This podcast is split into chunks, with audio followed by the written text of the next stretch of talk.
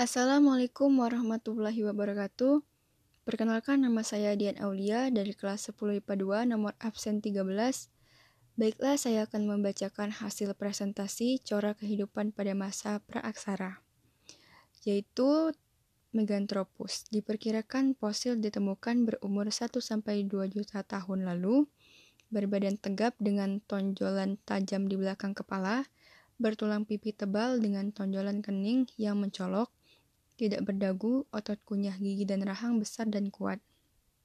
Yang kedua, Pichetophus hidup antara 30.000 sampai 2 juta tahun lalu, berbadan tegak, mukanya menonjol ke depan, kening tebal, tulang pipi kuat. Yang ketiga, Homo hidup 25.000 sampai 40.000 tahun lalu, otak lebih berkembang, tinggi tubuh 130 sampai 210 cm, tampilan seperti orang dari ras Mongoloid dan Australmelanosoid.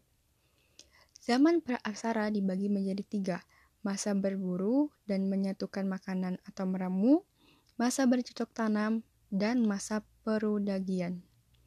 Masa berburu dan menyatukan makanan tingkat sederhana. Corak kehidupan sosial ekonomisnya, Makanan manusia purba terdapat era ini tergantung sepenuhnya pada alam bersama dengan berburu dan menyatukan makanan. Tempat tinggal berpindah-pindah, hidup dalam kelompok-kelompok kecil. Hasil budayanya kapak perimbas, alat serpih atau flakes, dan alat tulang. Masa berburu dan mengumpulkan makanan tingkat lanjut. Cara kehidupan sosial ekonomisnya, pembagian kerja, semi sedenter, tradisi melukis, dan menemukan api. Hasil budayanya alat tulang atau pebble dan kapak genggam. Bentuk kepercayaan awal, lukisan cap tangan, upacara penguburan. Masa bercocok tanam, cara kehidupan ekonomisnya, slash plus burn, yaitu kesibukan menebang dan membakar pohon. Sedenter atau menetap, gotong royong, pembagian kerja. Hasil budayanya, beliung persegi, alat pemukul dari kayu, alat-alat obsidian, mata panah, gerabah, dan perhiasan. Masa perundagian, cara kehidupan sosial ekonomisnya, alat-alat logam tidak mengambil alih gerabah.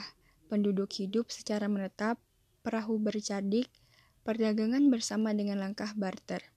Hasil budayanya, Nekara dan Moko, bejana perunggu, patung perunggu, gelang dan cincin perunggu. Sekian hasil presentasi saya. Terima kasih. Wassalamualaikum warahmatullahi wabarakatuh.